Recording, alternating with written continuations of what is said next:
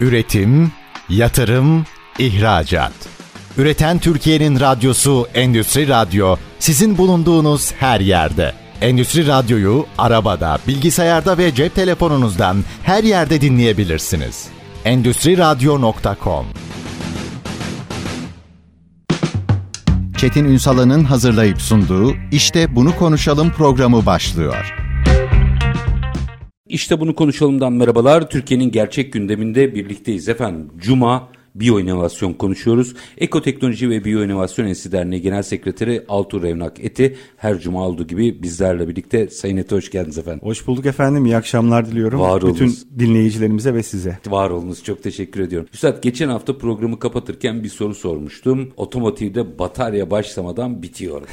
Şimdi aslında tabii bu üst bir başlık, manşet bir başlık ama Doğru. buraya girdiğimizde elektrik meselesini konuşmamız gerekiyor. Belki depolamayı, doğadaki bu sistematiği, bil teknolojilerini biraz açmamız gerekiyor. Evet. Sorayım, batarya herkes konuşuyor. Başlamadan bitiyor mu? Onu biraz sonraya bırakalım ki. Tamam, öyle yapalım. Heyecan olsun biraz. Heyecan olsun biraz. Biz doğaya girmeden önce ne anlatıyoruz? Yine küçük girizgahımızdan biyoilham dedik biz. Biyomimetik diyoruz. Biyoinovasyon diyoruz. Yani bunların hepsi hani yenilik ve keşif üstüne kurulu. Doğadan keşfedip ilham alıp daha iyi teknoloji geliştirme üstüne konuşuyoruz. Ve bununla ilgili çalışan da binlerce bilim insanı var dünyada 1990'lardan beri ama 2000'lerden beri çok sayıda patent ortaya çıkmaya başladı. Amacımız ne? Doğayı bozmadan teknoloji üretmek. Peki doğadaki teknoloji nasıl bir teknoloji ki bizdekiyle arasında büyük bir fark var. Daha doğrusu fark vardı yavaş yavaş işte o biz o farkı kapatmaya çalışıyoruz. E çok kolay bir örnekle anlayabiliriz. 4.2 milyar yıldır canlılık var ve bu canlılık içerisinde yaşamış olan milyarlarca canlı türü, sadece türü yani bunun e, o tür altındakileri hiç saymıyorum. Dünyaya nokta kadar zarar vermeden hatta sisteme fayda sağlayacak bir dönüşüm içerisinde sıfır atıkla mükemmele yakın bir teknoloji kullanan bunun içerisinde yazılımlar, bunun içerisinde motorlar, makineler, moleküler motorlar, elektrik sistemleri, bütün o sinir ağlarındaki bilişim akışı bunların hepsini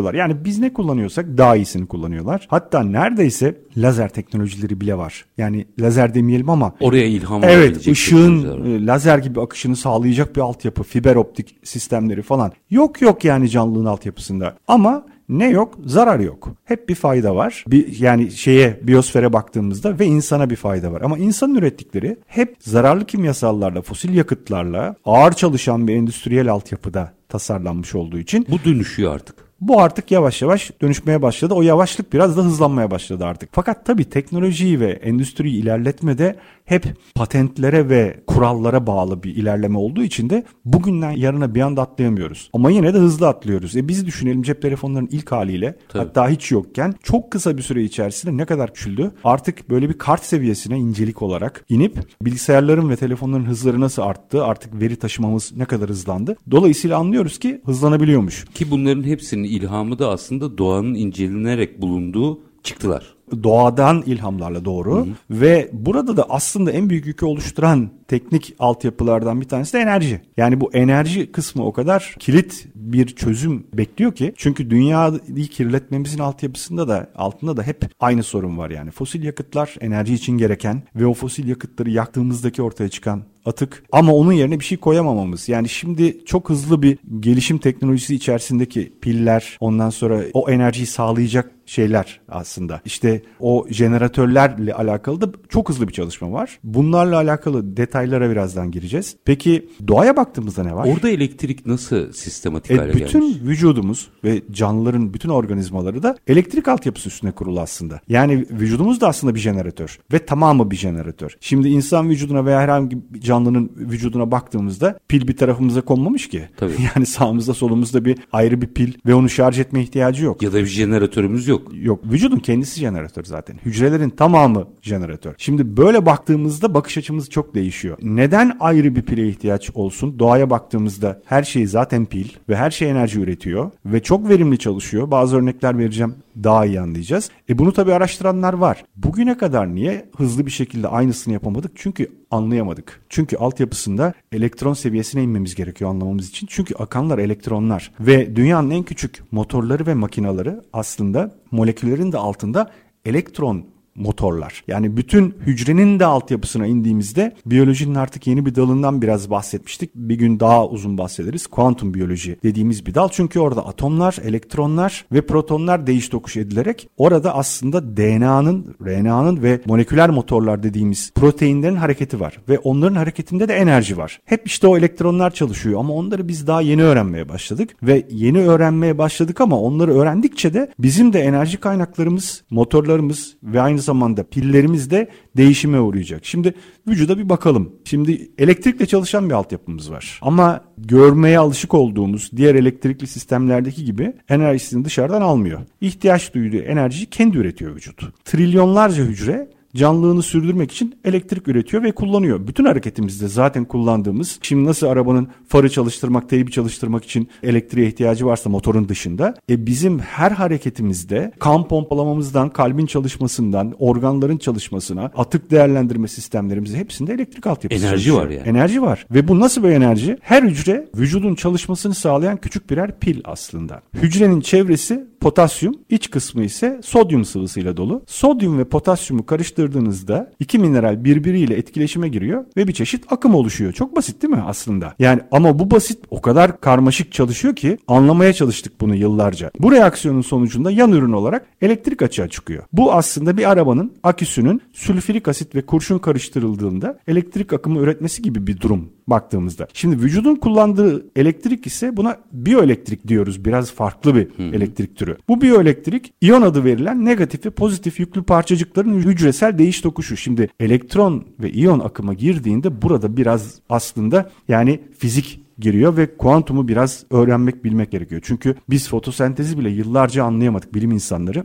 O fotosentezde o elektronun açığa nasıl çıktığını görmek için kuantumu öğrenmeleri gerekti. Çünkü aynı anda çok farklı yollar izleyen bir elektrondan bahsediyoruz. Şimdi bunu yeni anlamaya başladık. E şimdi basit bir şekilde anlatıyoruz ama bu elektron değiş tokuşunu bunu hadi gel bunu taklit et dediğinde basit bir konu değil bu. Şimdi örneğin potasyum bir hücre zarından dışarıya serbest bırakıldığında ve onun yerine hücre içine sodyum alındığında küçük bir elektrik akımı meydana geliyor. Bu bahsettiğimiz konu etin içerisinde geçiyor bakın. Yani yani tabii ki böyle değerlendirmek lazım, hayal etmek lazım. Akım geçtiğinde potasyum hücrenin içerisinde sodyum dışarıya gönderiliyor. Şimdi sağlık ve beslenme alanında tanınmış uzmanlardan bir tanesi. Dr. Landon Smith bu konularda ciddi araştırmalar yapan birisi. Bu şekilde hücreler kendi elektromanyetik akımlarıyla küçük piller gibi çalışıyorlar diyor. Şimdi kullandığımız elektronik aletlere bakalım. Elektrik akımı elektronların hareketlerinden oluşuyor. Hücrelerde ise iyon akımı var. Elektriksel yüklü atomlar ya da moleküllerin akımı var burada. Yani biraz daha farklı ama aslında aynı. Şimdi potansiyel bir enerjiye sahip bir barajı düşünelim. Hidroelektrik santralden geçerken elektrik üretmesi gibi aslında vücutta çalışan sistem. Her bir hücre bir hidroelektrik santral gibi çalışıyor aslında. Şimdi şöyle bakalım ama tüm hücrelerde Hücre zarları boyunca bir voltaj var. Bu voltaj fark elektrik potansiyeli olarak değerlendiriliyor. Bu potansiyel de 50 milivolt. 50 milivolttan bahsediyoruz bir hücreyle alakalı konuştuğumuzda. Şimdi peki bütün vücut üretilen elektriğin miktarı ne kadar? Bakın o kadar enteresan ki bir hücrenin dışındaki yük ile içerisindeki yük arasındaki fark 50 milivolt diyoruz. Peki bütün vücut ne kadarlık bir elektriği üretiyor? 40 watt. 40 watttan bahsediyoruz. Koca vücut, bunu bir robot yapmayı düşünün. Bir robot yaptığınızda bunu beslemek için nasıl aküler, şarjlar kullanıyorsunuz? Ne yükseklikte? Birazdan beyin örneğini verdiğimde daha iyi anlayacağız. Ama 40 watt dediğimizde bir hafif yanan ampulü, Ampulü düşünelim. gibi. 40 wattlık ampul işte Evet. düşünün. Loştur yani.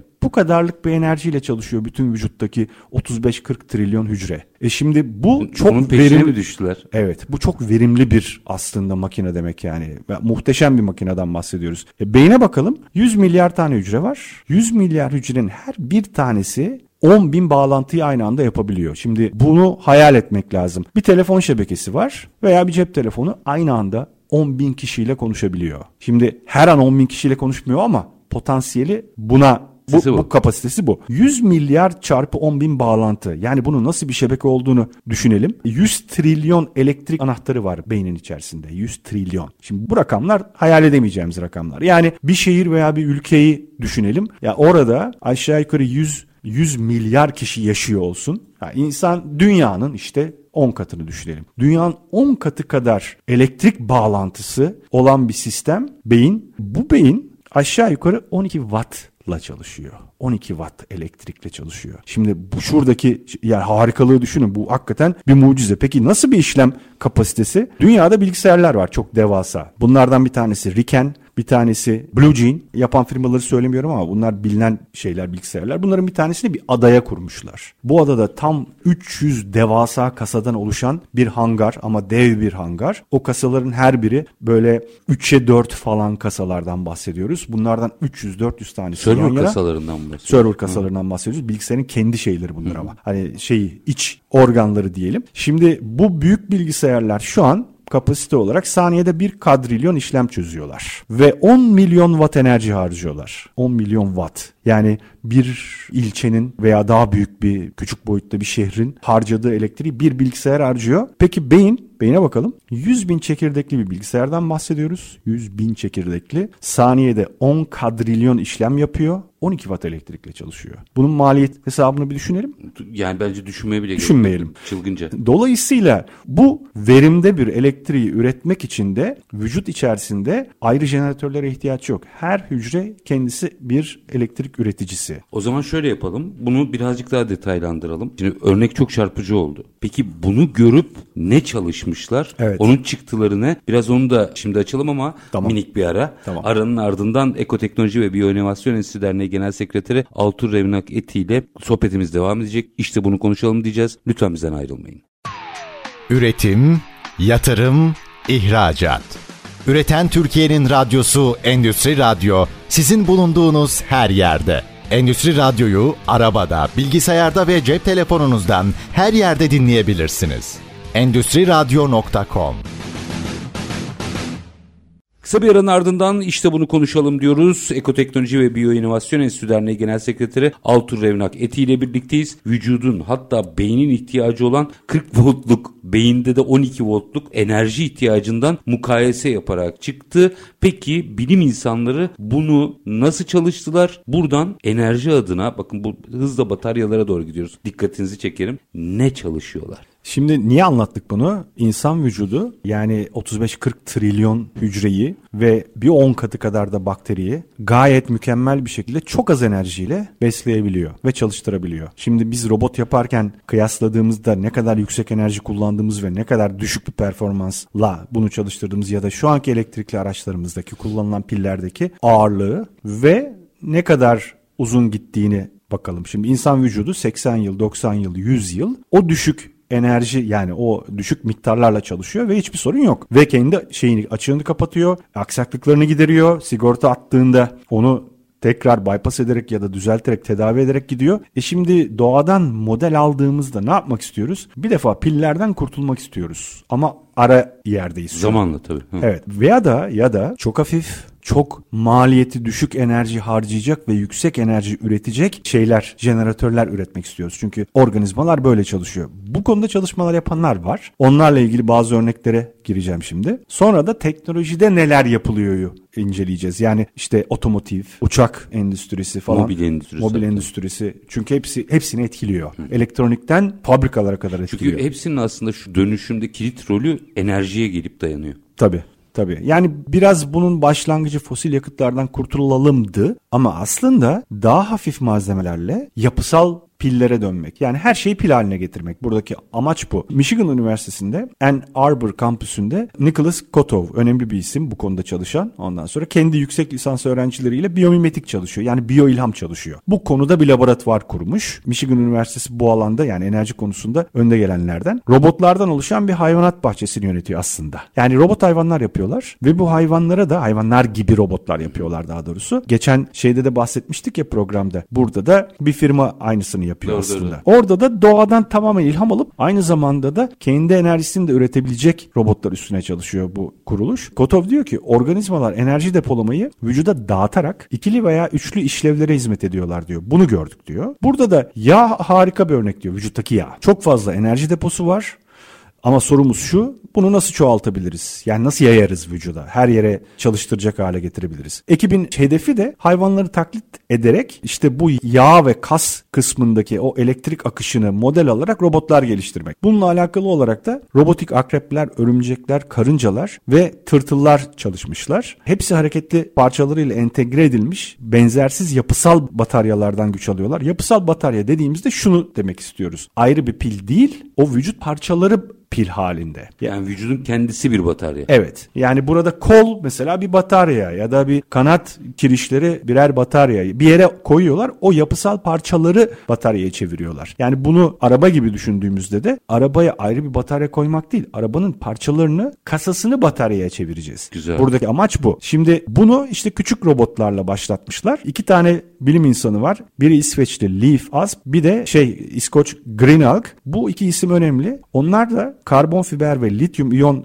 levhalardan şey geliştiriyorlar. Levhalardan kurtulup yani kurtulmak istiyorlar. Çünkü lityum öyle bir şey ki bugünkü arabalarda kullandığımız teknoloji içerisindeki lityum iyon piller ya da şeylerimizde cep telefonlarında Cep telefonu. bu hani bize şöyle tanıtılıyor ya işte sıfır emisyon için elektriğe geçiyoruz ve o zaman çevreden çevre sorunlarından kurtulmaya başlayacağız. Aslında başka bir çevre sorunu ortaya çıkıyor. Çünkü o lityumun ve yine pillerde kullanılacak başka madenlerin de çıkarılması için Afrika'da veya dünyanın farklı yerlerinde o madenlerin doğaya ne kadar zarar verdiği ve o madenlerden o ürünlerin getirilip götürülürken harcanan emisyon miktarlarına bakıyor. Birçok araştırmacı bunlara bakıyorlar. Aslında arada bir fark yok. Yani orada da doğaya zarar veriyoruz. Orada da o madenleri çıkarmak için kullanılmış olan malzeme sonra da o pillerin atık halleri yine doğayı kirletiyor. Dolayısıyla bir taraftan kirliliği engellemeye çalışırken başka bir taraftan kirlilik ortaya Bu çıkartıyoruz. idealist tarafı. Realist tarafta da hepsi Çin'de. Bir de o var. O kimseye hediyecek bir şey Bir de var. yok. Bir de sonuçta bir madene bağımlısınız. O maden bittiğinde başka bir maden bulmanız gerekecek. Dolayısıyla bu bir ara form. Bundan da kurtulmak gerekiyor. Şimdi o yüzden de başka formüller üzerine gidiyorlar. Ne yapmış mesela Kotov ve ekibi? Otomatlar için çinko hava yapısal pili tasarlamışlar. Çinko Çinko hava yani oksijen. Ondan sonra bu hücre kimyası geleneksel lityum iyon hücrelere göre çok daha fazla enerji depolayabiliyor. Bir çinko anot, bir karbon kumaş katot ve kıkırdağı taklit edecek nano mühendislikle tasarlanmış bir polimer ve polimer bazlı nanofiberden yapılmış bir elektrolit. Yani ince bir şey bu. Bu tip pillerdeki enerji taşıyıcıları oksijenle üretilen hidroksit iyonlar. Havadan çinko ile etkileşime giriyor. Araçlara yönelik yapısal piller için aslında bunu çalışıyorlar. Şimdi bunların yaptıkları pilin şeyi bu. Performansı şu. Kotov ve ekibi yapısal pillerle lityum iyon hücreden 72 kat daha fazla enerji kapasitesine sahip bir şey elde ettiler. mevcuttan ileri gitmişler. Evet 72 kat. Daha hafif ve ince. Bunu çok farklı yerlerde kullanabileceğiz. Şimdilik pillerin konseptin bir kanıtı olarak robot oyuncaklar, dronlar, yakın zamanda cep telefonları, bilgisayarlar da kullanılması planlanıyor. Gelecekte tabii amaç her şeyi pile çevirmek. Cep Arabanın telefonunun kendisi pil olacak. Arabanın kendisi pil olacak. Cep telefonunun vücudu yani şeyi kendi kaplaması pil olacak. İnsan ayrı bir pil yani. olmayacak. Evet. Dolayısıyla aynı zamanda ne ortaya çıkacak? Patlama, çatlama sorunu, yanma sorunu ortadan kalkacak. Güvenlik açısından da bu çok ciddi anlamda bir getiri sağlayacak bize. E tabi orada hemen ne aklımıza geliyor? Arabaların da patlama çatlaması ve gelecekte uçakların elektrikliye dönebilme ihtimali. İşte birazdan bunlarla alakalı da neler yapıldığını anlatacağım. Tabi bu doğadan model alan bir üniversite çalışmasıydı. Hayvanları inceliyorlar, küçük robotlar yapıyorlar. O küçük robotlarla da başarı sağlıyorlar ve bundan sonra elektroniklere bunların yaygınlaşması, dronlarda kullanılması. Tabi robot dediğimizde içine çok fazla makine giriyor. Yani her türlü evler içerisinde kullanılan robotlar, mutfak robotları, uzayda çalışacak robotlar, küçük elektronik malzemeler bunlardaki pil sorununu bu yapısal piller bir kere çözecek. Daha büyük şeylere geçtiğimizde otomotiv gibi endüstri kısmına geçtiğimizde orada da çok ciddi çalışmalar var. Şimdi burada enerji kaynaklarındaki o bağımlılık pillerde ciddi bir şekilde karşımıza çıkıyor. Şimdi bununla alakalı kimler çalışıyor? Stanford Üniversitesi çalışıyor. Lityum iyon piller için yüksek performanslı bir elektrot malzemesi oluşturmak için nar tanelerinin yapısından ilham, al- ilham almışlar. Nar taneleri şimdi tohumun benzersiz parçacık düzenini taklit etmişler. Pilin enerji depolama kapasitesini ve ömrünü de arttırabilmişler. Ne kadar? 3-4 kata kadar arttırdık diyorlar. Bu narla ilgili yapılmış bir çalışma Stanford Üniversitesi'nde. Gelecek vadeden bir başka yol geleneksel akü bileşenlerine alternatif olarak biyolojik materyal, materyallerin araştırılmasında bunu inceliyorlar. Pil performansını arttırmak için proteinleri, DNA'yı ve virüsleri inceliyorlar. Massachusetts Institute çok zor bunu söylemek.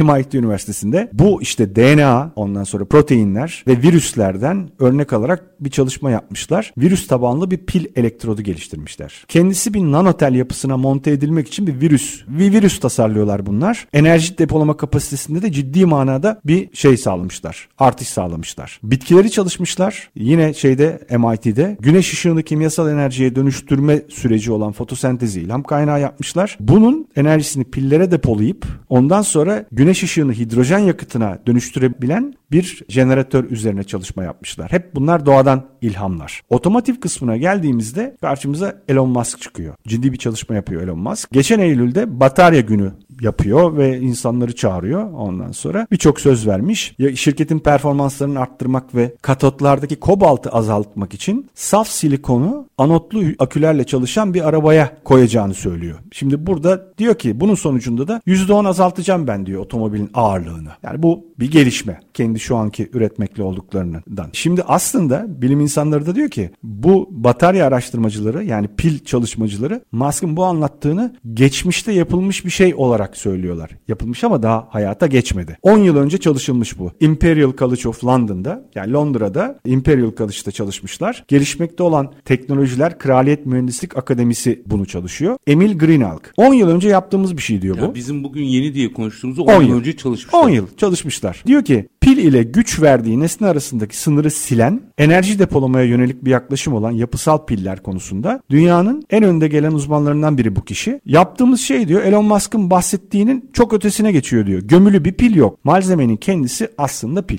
Biz bunu 10 yıl önce yaptık diyor. Şimdi bunu zaten çalışıyorlarmış. Peki biz neredeyiz bugün? Şimdi bir elektrik aracın yaklaşık üçte biri pil şu anki şartlarda baktığımızda. Bu sorunu çözmenin bir yolu şimdi Musk'ın yapmak istediği otomobilin yapısına geleneksel piller inşa etmek. Akü takımını desteklemek için aracın tabanını kullanmak yerine akü takımı zemin haline geliyor. Yani başka bir pili sonradan takmayacaksın. Aracın zemini, kasası, gömülü pilin kendisi bu olacak zaten. Tabii orada da hafiflik önemli. Tabii. İşte zaten şu an çalışmakta oldukları da o. Çok hafif, yeni kompozit ve şey çok ince bir şeyin film yapının üzerine bina edilmiş çok ince pillerden bahsediyoruz. Bu çalışmaların hepsinde umut verici olan bu. Çok hafif malzemeyi artık gömüyor şeyin içerisine, aracın içerisine. Bunlar hem de esnek malzemeler. Bu esnek malzemeler ayrı bir pile ihtiyaç duymadan aracın e, kendisini pil haline getiriyor. Şey gibi bizim hani o eski çiplerden şu anda geldiğimiz çip gibi galiba gelişimde öyle olacak. Tam öyle. Tam öyle. Şimdi pil takımını hurdaya çıkarmak ve bunun yerine aracın gövdesini enerjiyle enerji depolamak için kullanmak. Pil pili artık devre dışı bırakıyoruz bu anlayışta. Kasaya yerleştirilmiş. Şimdi burada amaç da şu bir kere performans kazanımı sağlanacak bir bir de güvenlik artacak. Çünkü yanıcı bir hücre yok ortada. Bu çok önemli bizim açımızdan. Bu sadece bu araçlar için değil biraz önce söylemiştik. Yanma patlama sorunu ortadan kalkacak. Cep telefonlarında devamlı patlama haberleri Tabii. alıyoruz. Yani bu bir sıkıntı. Geleneksel bir batarya şöyle istifleniyor. Bir düğün pastası gibi istifleniyor. Mümkün olduğunca fazla enerjiyi küçük hacme paketlemek için böyle bir jöle rulosu gibi birbiri etrafına sarılan hücreler bunlar. Ama yapısal bir batarya hücrenin düzensiz şekilde kalıplanabilmesi ve fiziksel strese dayanabilmesi için yeniden yapılandırılıyor. Nasıl yapılandırılıyor? Yapısal bir batarya küp veya silindire benzemiyor. Uçak kanadı, araba gövdesi veya telefon kılıfı pil zaten. Kendisi pil. Tam burada bir virgül atalım. Yani artık bizim işte bataryamız telefon için söyleyeyim. Evet. Bataryamız ömrünü yitirdi, yitirmedi vesaireden veya araçlarda daha sonra ne kadar batarya performansımız olacak vesaire bunları konuşmadan ürünün kendisi bir depo haline geliyor. Hem öyle hem de şarj sorunu ortadan kalkacak. Bir dakika onu açalım. Şarj sorunu nasıl ortadan kalkacak? Bence kritik bu. Evet. Onu herkes merak etsin. Aranın ardından alayım. Şarj sorunu nasıl ortadan kalkacak? Onun yanıtına Ekoteknoloji ve Biyoinovasyon Enstitüsü Derneği Genel Sekreteri Altur Revnak Eti'den kısa bir aranın ardından alacağım. Lütfen bizden ayrılmayın. Üretim, yatırım, ihracat. Üreten Türkiye'nin radyosu Endüstri Radyo sizin bulunduğunuz her yerde. Endüstri Radyo'yu arabada, bilgisayarda ve cep telefonunuzdan her yerde dinleyebilirsiniz. Endüstri Radyo.com Kısa bir aranın ardından işte bunu konuşalım demeye devam ediyoruz. Altur Revnaketi ile birlikteyiz. Biyo inovasyon konuşuyoruz. Tam virgül atmıştım. Virgülün ardından vücuttan yola çıktık. Aslında bütün malzemelerin kendi enerjisini üreten yapılar haline geleceğinden yani evet. kendisinin birer batarya olabileceğinden bahsetmiştik. Doğru. Devam edelim. Mesela Amerikan ordusu çok ciddi çalışıyor. Daha önceki programlarda da konuşmuştuk. Amerikan ordusunda DARPA adlı kuruluş hep inovasyon üstüne çalışır ve doğadan model aldığı birçok şeyi robotlarda ve birçok şeyde kullanır. Teknik silah, Teknik silah teknolojilerinde kullanır. 2000'lerden beri de piller üstüne çalışıyorlarmış. Hücrenin elektrotları için karbon fiber kullanmışlar mesela. Karbon fiber uçakların ve yüksek performanslı otomobillerin gövdelerini oluşturmak için kullanılıyor normalde. Ultra güçlü bir malzeme. Lityum iyonlarını depolamada harika bir malzeme bu. Bu da onu tipik lityum iyon pillerde anot olarak kullanılan grafit gibi diğer karbon bazlı malzemeler için iyi bir alternatif haline getiriyor. Ancak yapısal bir bataryada demir fosfat gibi reaktif malzemeler aşılanmış karbon fiber de katot için kullanılmış. Destek için kullanılmış bu. İnce dokuma bir cam tabakası iki elektrodu ayrıştırıyor. Bu tabakalar elektrokimyasal bir jöle içinde meyve gibi bir elektrot içinde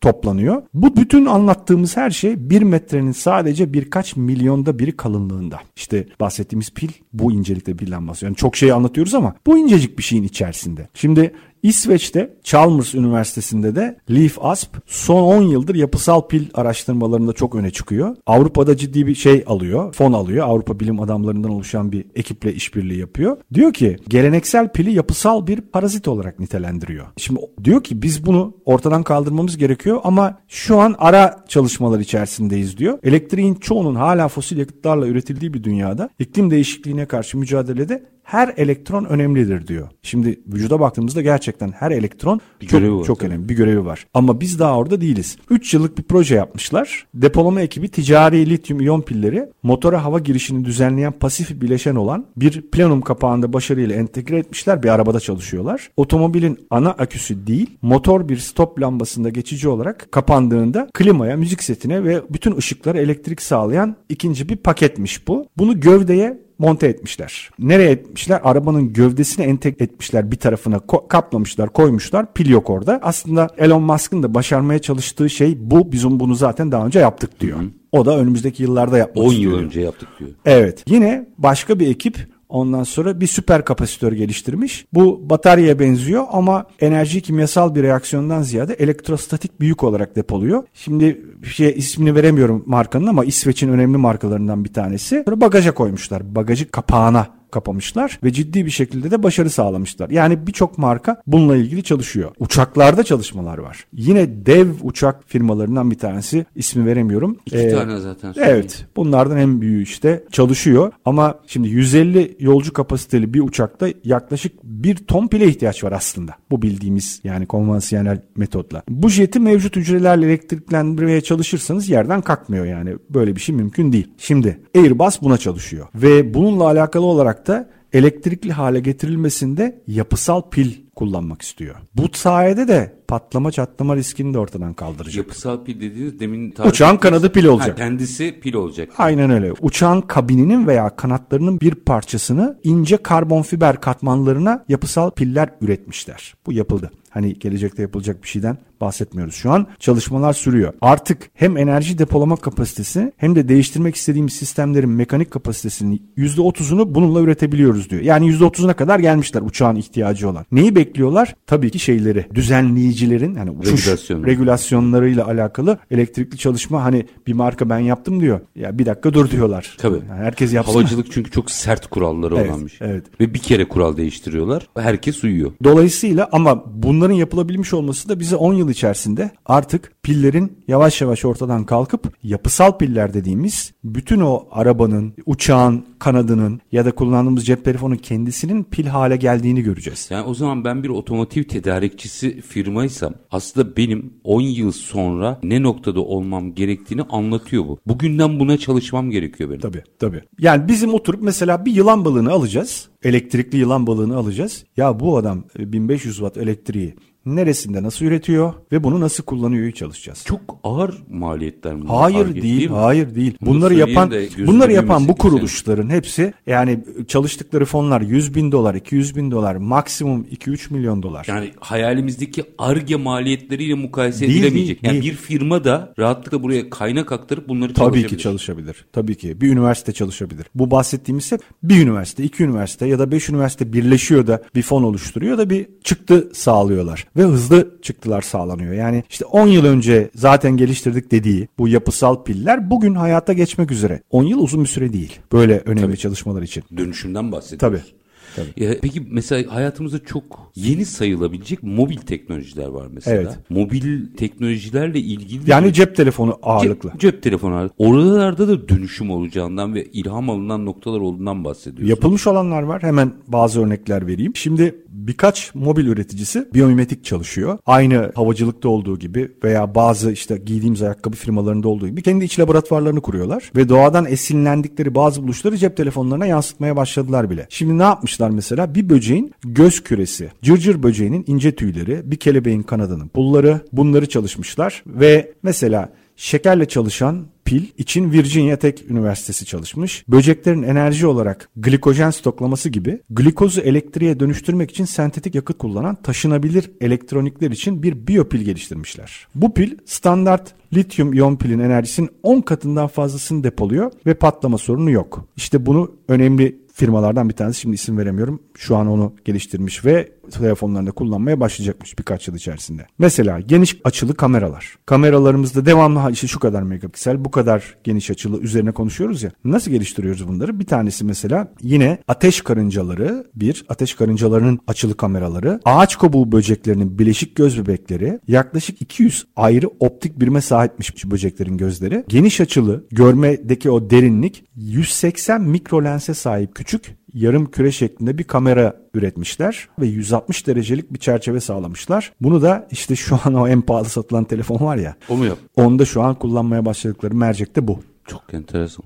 Ateş karıncaları ve ağaç kabuğu böceklerinin göz yapıları. Yani aslında şu anda endüstri bu biyo ilhamı kullanıyor. Tabii kullanıyor. Bakın biz nereden bu kadar hızlı geliştirdiler diyoruz ya işte ancak bu anlattıklarımızla öğreniyoruz. Ben de okuduğum makalelerden öğreniyorum. Hangi firma neyi araştırmışı kazdığınızda buluyorsunuz. Yoksa açıktan söylemiyorlar. Aslında herkes bir anda da öğrensin yapsın istemiyorlar. Tabii. Ya bunları biraz böyle hani kendi aralarında. Bizim bunları konuşmamızın esas temel nedeni tabii işin entelektüel tarafı, bilgi tarafı paylaşma anlamında önemli. Onun dışında Türk reel sektörü de bunları yapsın. Çünkü çok maliyetli işler değil, araştırmalar değil kaygısı aslında. Bir taraftan maliyetli dahi olsa getirilerini düşünmek lazım. Yani öncelikle hep neden anlatıyoruz? Doğayı bozmadan, kirletmeden insanlığın geleceği için daha iyi bir teknoloji üretmek. Bir ikincisi ticari olarak da büyük getiri sağlayacak Tam katma çıktılar. değerli Tabii, ürün dediğimiz bu işte. ortaya koymak. Peki orada şey şimdi araya giderken onun havucunu atmıştım. E, ama cep telefonlarının mobilde özellikle konuşmak gerekiyordu. Şarj etmeniz gerekmeyecek belki deniz. Burayı biraz açalım mı? Bu aslında olması gerekenin yani en uç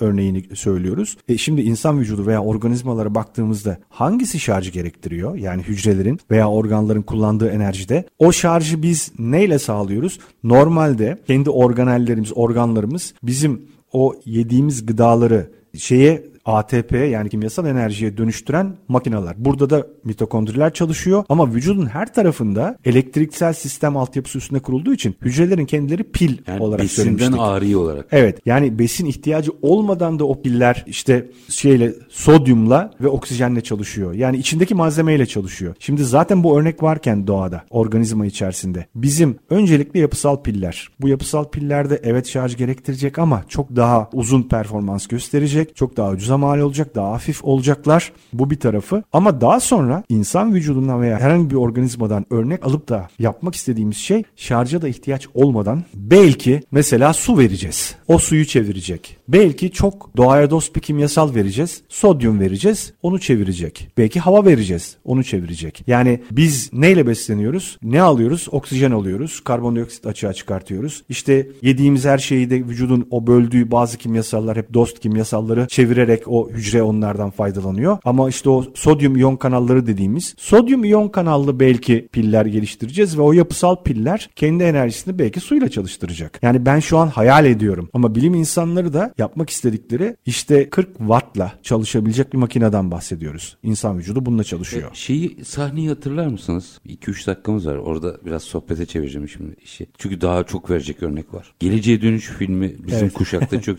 Bir filminde geliştirdim diyordu profesör. Açıyor ve işte pırasa mırasa ne bulursa atık çöplerden o enerjiyi üretiyordu. Şimdi baktığınızda bugüne uyarladığımızda aslında çok da uçuk değilmiş demek ki. Değil. Artı başka bir hayal var. Tesla'yı düşünelim. Tesla havada zaten bedava enerji olduğunu söylüyor. Tabii. Ve, örnek, ve örneklerini aslında gösteriyor. O zaman da onlar belki hayata geçmedi ama onun 1500 patentinden şu an sadece 110-120 tanesi kullanıldığı söyleniyor. Yani daha onun o anlattıkları içerisinde patentlenmemiş de birçok şey olduğunu anlatan, söyleyen araştırmacılar var. Ve orada kablosuz elektrik aktarımı, havadan elektriği çekmek ve havadan alınacak olan elektriğin aktarılması var. Ne- Burada Amerika Birleşik Devletleri'nin çok uzun yıllardır elektriğin kablosuz iletimine çalıştığını biliyoruz ve bunun endüstriyel hale geldiği gününü şöyle tarif ediyor bazı makaleler. İnternetin öncesi ve sonrası nasıl bir dünya değiştiyse bu da öyle oldu. Evet buna internette free enerji diye girdiğimizde o kadar çok araştırmacı bununla alakalı jeneratörler üretmişler ki havadan elektriği çekme konusunda iddialı bir şekilde ortaya koydukları şeyler var. Çalışmalar. Ben de bir tanesine katılmıştım. Bir Gürcü fizikçiyle beraber gerçekten kendi enerjisini üreten bir motoru yani 115 kV'lik bir motoru sadece bir fişe elektriğe takarak ve çıkartarak sadece tetiklemeyi yaparak o motoru 3 hafta boyunca çalıştırmıştı. Ben o deneylere kendim katılmıştım. Şey gibi LPG'li araçlarda ilk benzin Evet. verir onun gibi Evet. o kadar yani tak E, çıkar. Evet şimdi düşünelim arabanın sadece motorunu çalıştırmak için bir ateşleme yapacağımız bir elektriği verip ondan sonra arabanın kendisinin çalışmasını sağlamayı düşünelim. Aslında bu böyle bir şey. Yani bu yapılabildi. Ben böyle bir çalışmada bulundum. Dünyada da başka örnekleri var. Ama ne diyoruz? Hani hayalimizdeki şey e, insan vücudu ya da insan beyni 12 wattla çalışıyor. O kadarlık elektrik kullanıyor. Yani çok düşük bir enerji ihtiyacı var ve onunla çok yüksek bir teknolojiyi çalıştırıyor. Aslında yapmak istediğimiz bu. Ve şu an biraz ara geçiş dönemindeyiz diyelim. Pillerden benim kendi şahsi kanaatim 10 yıl içerisinde kurtulacağız gibi görünüyor. Tesla çok enteresan bir adammış. Enteresan evet. Gerçekten yani bugün bile çağının çok ötesinde kesin de bugün bile yani hayal edemeyeceğimiz birçok şeyi patentlemiş. Ve dünya buna çalışıyor. Bizim de çalışmamız lazım. Nikola Tesla'dan Tabii bahsediyorsun. tabii tabii. Marka İnsanlar Tesla'dan şimdi- bahsetmiyorum. Hayır. insanlar şimdi şey Nikola anlar. Tesla yani bilim insanı Tesla'dan bahsediyorum. Bakış açısını değiştirmek lazım değil mi? Evet. Son bir mesaj alayım öyle veda edeyim. Yani işte zaten o bakış açısını doğaya çevirmeye çalışmamızın nedeni bu. Orada bir teknoloji deryası var, hazinesi var. O teknoloji hazinesini ne kadar anlayabilirsek